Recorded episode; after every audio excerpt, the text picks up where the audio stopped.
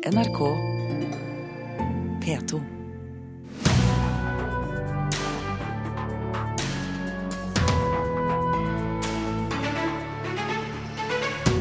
Musikkfestivalen Bylarm er 20 år. Den har blitt en av de aller viktigste, sier mannen som oppdaget Aurora. Senterpartiet bør skamme seg, sier presseekspert. Endret tittel, ingress og bilde i en Dagbladet-artikkel på Facebook.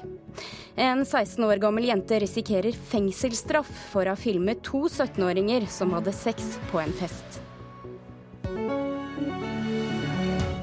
Dette er Kulturnytt. Mitt navn er Stine Tråholt. Velkommen skal du være.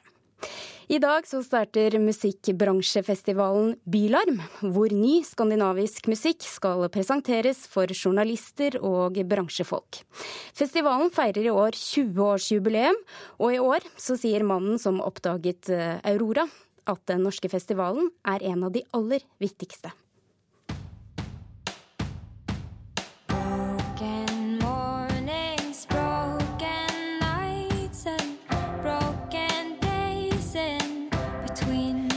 Denne stemmen har du garantert hørt før. Men det hadde kanskje ikke resten av verden gjort hvis det ikke hadde vært for eh, denne mannen. And so uh, I, I came to, to Bilam and, um, and saw her play um, and just completely fell in love with her as a performer.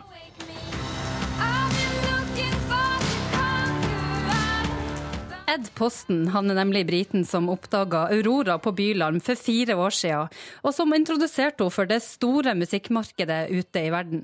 Og nå er han tilbake på bransjefestivalen for å finne nye talenter. For meg er det utrolig viktig. Det er it's min nummer one point in the diary, more so than South by Southwest or, or a lot of other festivals and conferences.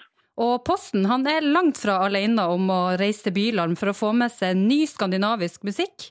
Vi tar turen til Sverige. Musikkguiden i P3 med Tina Mehrafzou. Jeg er veldig nyfiken på eh, Jakob Ogava. Gava. jeg er nyfiken på Foam, Astrid S. Ja, men Living.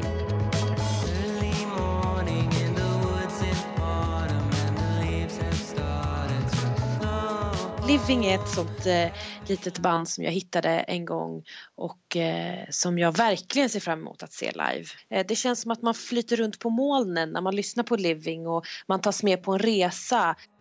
Musikkredaktør i den danske avisa Politikken, Simon Lund, han mener Byland fremdeles er viktig, også 20 år etter oppstarten. Men Det kommer an på hva man mener med viktig, fordi uh, jeg ser uh, musikalsk Jeg tar ikke til Byland for å få noen store, ferdige opplevelser. Jeg tar til Bylarm for å være nysgerrig og oppdage noe som kan bli noe stort i morgen eller i overmorgen. Og så er det ikke litt ekstra deilig å få denne meldinga fra en svenske? Vi går tilbake til svensk P3s Tina Mehavson. Ja, men nå så ser vi veldig bra på norsk musikk. Vi er mye imponerte og også veldig, veldig nyfikne. Vi vil ha mer. Reporter i dette innslaget var Kirsti Falk Nilsen. Velkommen Sondre Lerche, og også med oss på telefon Erlend Mogård Larsen, festivalsjef og gründer av Bylarm. Gratulerer med 20-årsdagen, Mogård Larsen. Ja, tusen takk. Dere får veldig mange gode skussmål her nå. Er dere så viktige som det blir sagt her?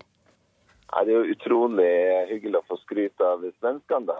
Eh, de har alltid vært eh, flinkest i klassen i, i, Norden, og kanskje verden også. Så det syns vi er veldig hyggelig. Men er du enig? Ja, ja. jeg er jo for så vidt det. Altså, vi har jo uh, måttet et veldig, veldig godt arrangement og en veldig god festival. og det kommer jo folk eh, fra hele verden. altså Det er både musikkjournalister og, og bransjefolk. Og, eh, så, så, det må jo ha en betydning, det. da. Mm. Jeg ønsker å besøke Oslo og, være med på Bylarmfestivalen. Sondre Lerche, du opptrer på festivalen i år, og det gjorde du også for 17 år siden for første gang. Hva har festivalen betydd for deg? Det var jo For 17 år siden så var jo det kanskje først og fremst en arena for Norge og for norske artister å vise for hverandre. Og Så for meg når jeg var 17 år og spilte i rockeband og fikk lov og fikk innpass på uh, Bylarm, så var det veldig stort, for det var kanskje første uh, møte av aksept fra en litt mer profesjonalisert uh, bransje. Og nå, 17 år senere, så, så, har jo heldigvis, og kanskje naturligvis også Bylarm, en mye mer internasjonalt fokus. At det er ikke bare en arena for å vise seg fram for for Norge, men også for, eh, for, verden. Og det viser kanskje at de henger med i tiden. Ja, Har denne festivalen blitt et viktig utstillingsvindu for eh, norske artiklister mot utlandet? Ja, jeg, jeg opplever iallfall at jeg har, jeg har uh, treffer folk rundt om i verden som, som enten har fått invitasjonen til å komme eh, på Byland, eller som håper at de får den neste år. For det, det, det er nok en litt sånn eh, eksotisk eh, invitasjon å få. Um, og, og, og, folk er jo etter hvert ganske så obs på uh, norske artister. Uh, et stor variasjon også av norske artister. Så, så alle har liksom sin favoritt-norske uh, artist som de bare håper de kan få oppleve i vinteren i Norge. Mogård Larsen, i starten så flyttet dere rundt fra by til by i Norge, og dere ville til og med unngå hovedstaden. Men nå, de siste åra, så har dere forblitt i Oslo. Hvorfor var det et riktig valg? Altså, det handler jo om at vi eh, de første ti årene eh, altså, turnerte mellom de største byene i Norge. Og vi hadde jo besøkt eh, alle byene både én og to og tre ganger. Så det føltes veldig naturlig da i 2008 å, å besøke hovedstaden. Eh, samtidig så var det også fint å kunne begynne å, å, altså, å være et sted eh, og, og, utvikle festivalen i en mer internasjonal og, og nordisk retning.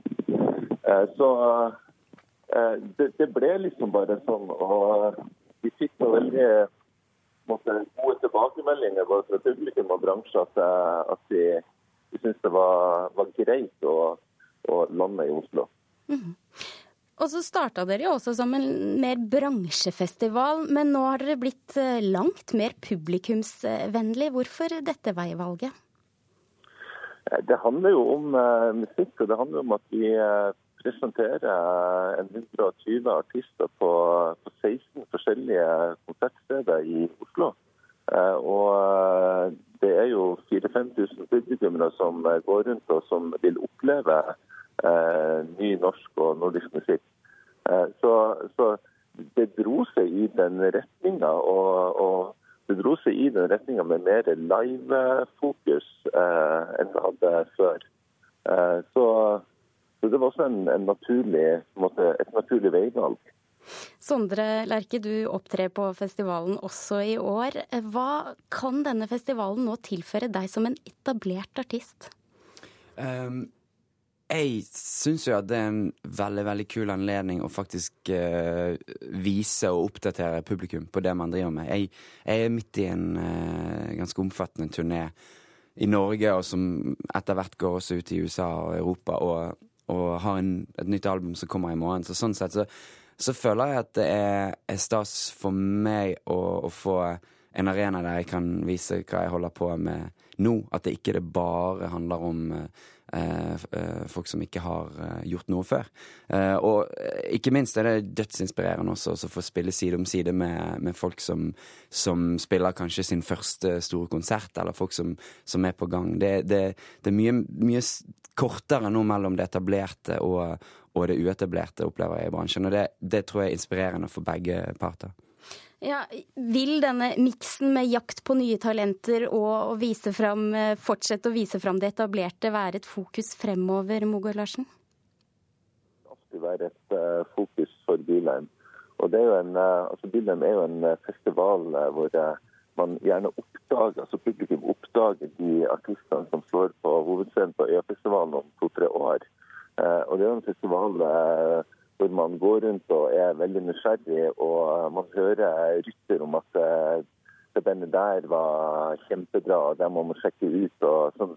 Så det er jo en veldig sånn eh, Det er veldig mye energi. Det er veldig mye det er litt sånn at Man kan stå på Rockefeller på fredagskveld klokka halv ti, og det er helt tomt.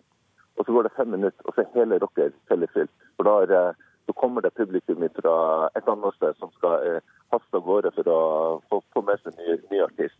Så det er en sånn en utrolig energi i byen når, uh, når Bylarm uh, arrangeres. Lykke til med konsert under Bylarm med Sondre Lerche, og også tusen takk for at du var med, Erlend Mogård Larsen, som er festivalsjef i Bylarm. God festival.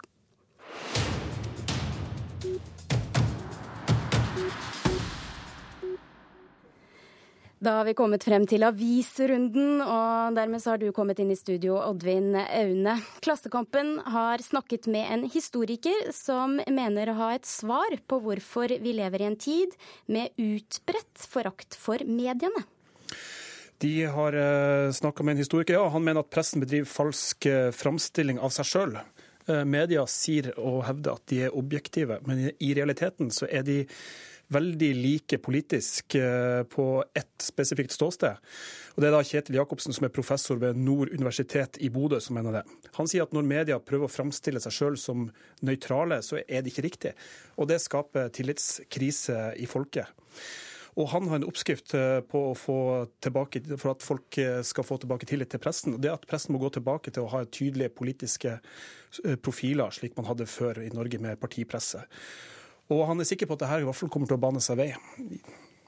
Og da hopper vi til årets Urørt. Dårlig bane!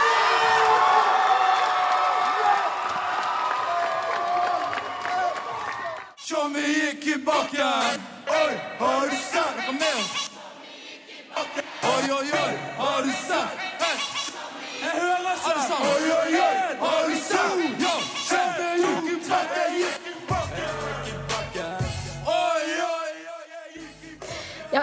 Oddvin Aune, i går så sa du at dette kommer til å bli en god uke for rappegruppa Dårlig vane, og du fikk rett. I går så ble de årets Urørt. Det er riktig. Eh, jeg vet ikke om var, jeg har noen Snåsamann-tendenser i meg, men eh, var, de vant i hvert fall eh, kåring Årets Urørt, P3-kåring Årets Urørt i går kveld, og det var visstnok ganske greit trøkk i Kulturkirka Jakob da de rapperne fra Loddefjord utenfor Bergen vant for artister som Emma Jensen, Lyt og Porn Poko. Og artist Julie Bergan, som eh, satt i, satt i, juryen, sier at hun får lyst til å skifte sjanger når hun hører Dårlig vane. Og det er jo en bra attest. Tusen takk, reporter Oddvin Aune. Senterpartiet de endret tittel, ingress og bilde i en Dagbladet-artikkel de postet på Facebook. Og det har fått flere til å reagere, og presseekspert mener partiet faktisk må skamme seg. Her har vi Senterpartiet sin Facebook-side, hvor de har lagt ut eh, Dagbladets eh, artikkel. Geir Ramnefjell, politisk redaktør i Dagbladet, viser frem Facebook-siden til Senterpartiet. Her har partiet postet og delt en av Dagbladets artikler. Men det er et lite problem. Vi vinkla saken på at Arbeiderpartiet faller stort på ny måling. Vi skal ligge høyere enn dette. Sitat fra Jonas Gahr Støre. Og når Senterpartiet har lagt ut den saken så har de vinkla den om med Senterpartiet med 11,4 Beste måling på 20%, på 20 år! Utropstegn. Og som jo er en fordreining av Dagbladets innhold. Det er altså å gripe inn i, i, eh, i, redigeringen av Dagbladets innhold. Når man deler en sak på Facebook, er det nemlig i noen tilfeller mulig å endre tittel, ingress og bilde. Og det er denne funksjonen Senterpartiet har benyttet seg av her. Dette får Ravnefjell til å reagere kraftig det er eh, rett og slett et grovt overtramp, og noe som vi legger til grunn at seriøse eh, politiske partier eh, ligger unna. Hvis politikerne skal tre inn i rollen som, eh, som, redaktører i norske medier, så har vi et uh, alvorlig problem. At Dagbladets redaktør reagerer på dette, kommer kanskje ikke som noen overraskelse. Så vi ringer ekspert på presseetikk, Gunnar Bodal Johansen. Ja. Hva syns han om Senterpartiets Facebook-post?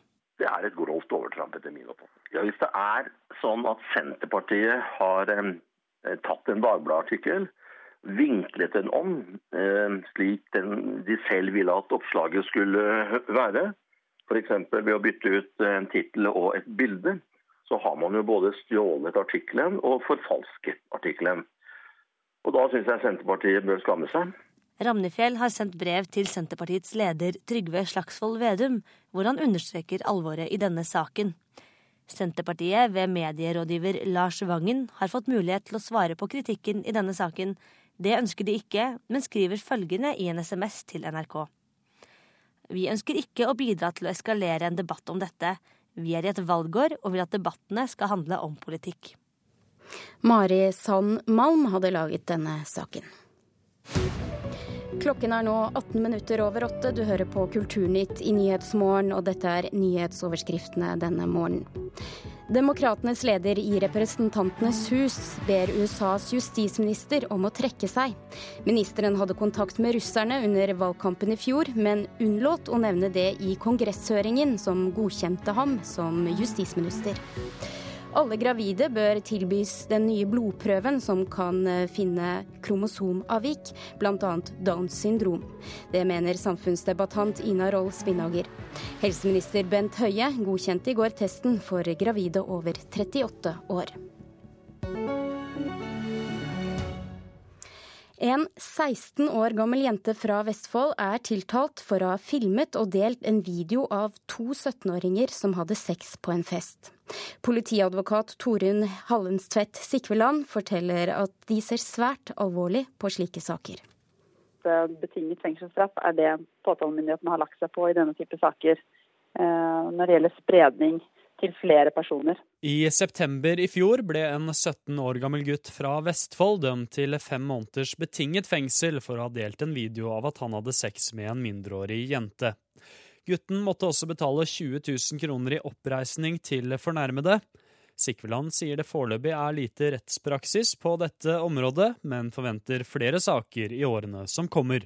Politiet ser meget alvorlig på denne type saker, fordi konsekvensene for de fornærmede kan bli veldig store. Det er jo nettopp fordi politiet har erfart at eh, når det først har blitt spredt filmer eller bilder på nett via sosiale medier, så er det i praksis umulig å få dem bort i fremtiden. Så de fornærmede må leve med at det eksisterer en film på nett som da kanskje da er av seksuell karakter, eh, for all fremtid. Hun sier denne typen kriminalitet er noe politiet prioriterer. Forhåpentligvis så når politiet ut til en stadig større krets om hvor alvorlig dette her er slik at flere ungdommer da forstår alvoret og, og ikke gjør den type straffbare handlinger i fremtiden. Bistandsadvokat Mette Akenhausen er ikke involvert i saken, men sier på generelt grunnlag at det er alvorlig at fornærmede mister all kontroll når slike bilder og filmer spres. Dette her med Snapchat, filming, tar bilder, eh, i løpet av de siste åra så har jo det eksplodert i omfang. Vi har jo med oss flotte kameraer overalt, og det filmes og tas bilder av det meste. Og det gir dessverre en ny arena da for eh, å bli utsatt for krenkelser.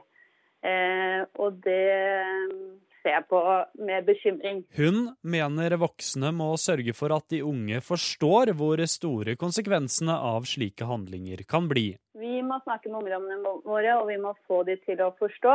Så det er, tenk på foreldrene, foresatte. Vi må ta disse pratene om igjen og om igjen om hvor krenkende det er å eh, bli tatt bilde av, og i hvert fall eh, under en seksuell handling og at dette ble eksponert videre. Det er ikke greit.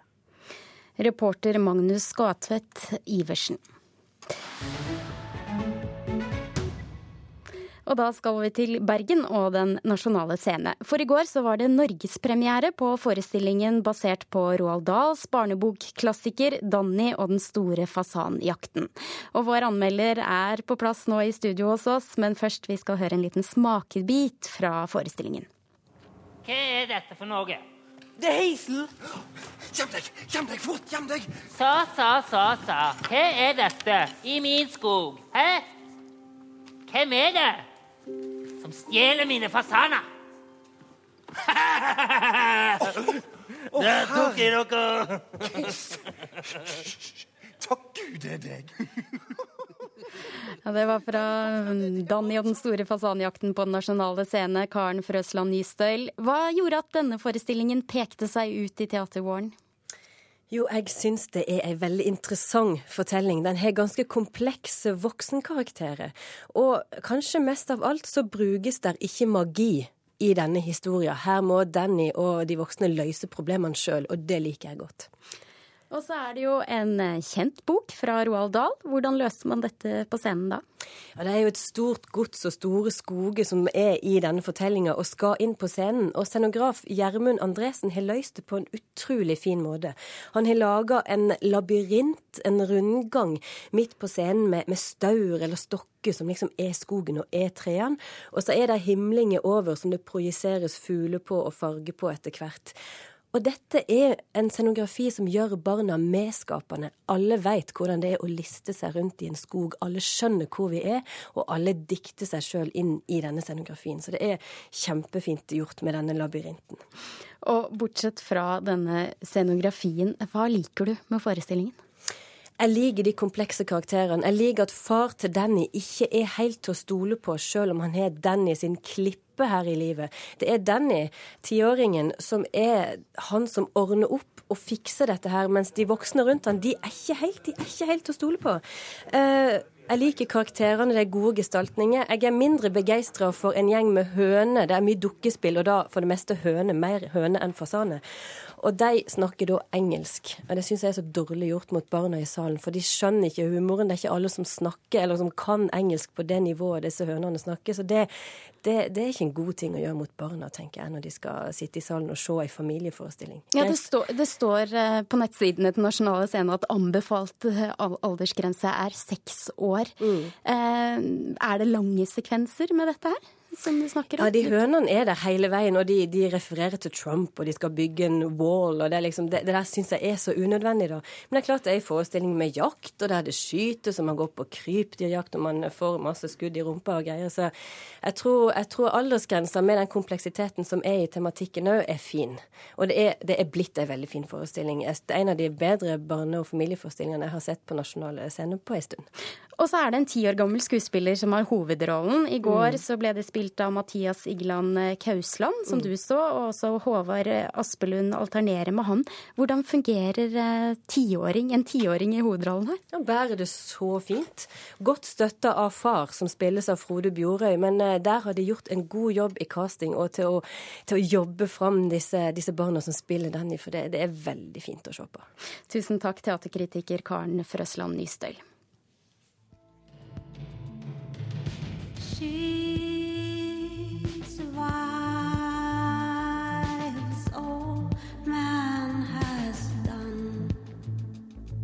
In some tribes she free. In some religions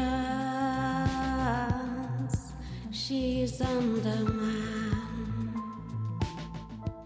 Dette er en liten smakebit fra Mari Boines nye plate. Det er kanskje litt overraskende for mange av oss at hun nå synger på engelsk. Plata har fått navnet See the Woman. Velkommen til Kulturnytt, eh, Mari Boine. Takk. Tror du at du fremstår som en litt annen artist på engelsk? Eh, det vet jeg ikke. Men eh, det er sikkert, jeg vil sikkert overraske mange. Men for meg er det ikke mer dramatisk enn at det her er noe jeg har hatt lyst til også å gjøre lenge. For meg er det mulig å både synge på samisk og synge på engelsk. Og jeg føler meg mer fri til å gjøre det nå når det er mange flere unge samiske artister på banen. Da tenker jeg da kan jeg gjøre også det her. Hvorfor har du hatt lyst til dette lenge? Jeg liker å utfordre meg sjøl. Og jeg har, jo, jeg har jo vokst opp med engelsk, eh, eller eh, engelskspråklig popmusikk eh, mye mer enn jeg vokste opp med joik. Joik er noe som jeg har lært meg som voksen. Og jeg hadde, jeg hadde lyst til å, å, ta fram denne sida. Og, og, så er det jo spennende å se hva, hva skjer når flere forstår hva jeg synger om. Jeg er bare nysgjerrig på det. Ja, Har du fått respons på akkurat det? Foreløpig er jo altså, Plata kommer ut i morgen. Mm. Vi har gitt ut to singler. Men jeg har fått en del eh, gode reaksjoner allerede, men jeg er veldig, veldig spent. Du var inne på det selv her, at uh, nå er det flere unge artister som synger på samisk. Eh, det er jo en Rollen som samenes talsperson har jo du på mange måter hatt. Har det vært en tung bør å bære til tider? Ja, det, det sier seg sjøl at det innimellom sant, å ha det ansvaret, og vi har jo ikke vært så mange. Eh, sånn som det er nå. Nå er det flere unge, fordi at våre, eh, vårt område er jo i Sverige, Finland, eh, Norge og Russland, og vi har jo artister både fra svensk og finsk side, og en del norsk. Um, ja, til tider har det vært eh, et stort ansvar. Men eh, jeg har jo gått inn i den rollen. Og, og for noen år siden så, så utfordra jeg jo de unge og sa at nå føler jeg behov for å trekke meg mer tilbake. At nå må dere inn på banen. Og etter det har det, har det blomstra, og jeg syns at det er fint. Og så er det fint at de unge kommer og, og forteller meg at jeg har inspirert de, jeg har vært med på å gi de um, ja, mot til å, til å, til å gå ut. Og det at du eh, tok dette steget nå, eh, hvordan har det påvirket musikken din? Um, jeg ville jo Når jeg um, fant produsenten, som jo er han som har produsert Anne Brun sine siste CD-er, Tobias Frøberg, vi møtte hverandre for en del år tilbake på Spellemannsprisen, og da etter å ha snakka med han en halvtime, så sa jeg du, du er mannen som skal produsere min neste skive. Og han sa ja, jeg er med. Men så tok det noen år, for jeg trengte tid, og han ringte og jeg sa men når skal vi gjøre det her? Jeg trenger tid, gi meg tid. Og, og, det jeg sa til han, jeg ga han ganske frie tøyler, men jeg sa at jeg, jeg vil at det skal være pop. Og eh, Vet du hva, jeg må bryte deg der, Mari Boine, fordi Dagsnytt kommer. Klokka er straks halv ni. Nyhetsmorgen fortsetter til klokken ni. Produsent for Kulturnytt er i dag eh, Thomas eh, Overstein Oe. Tusen takk for at du var med, Mari Boine. Nå får du altså Dagsnytt. Klokken er straks halv ni. Hør flere podkaster på nrk.no podkast.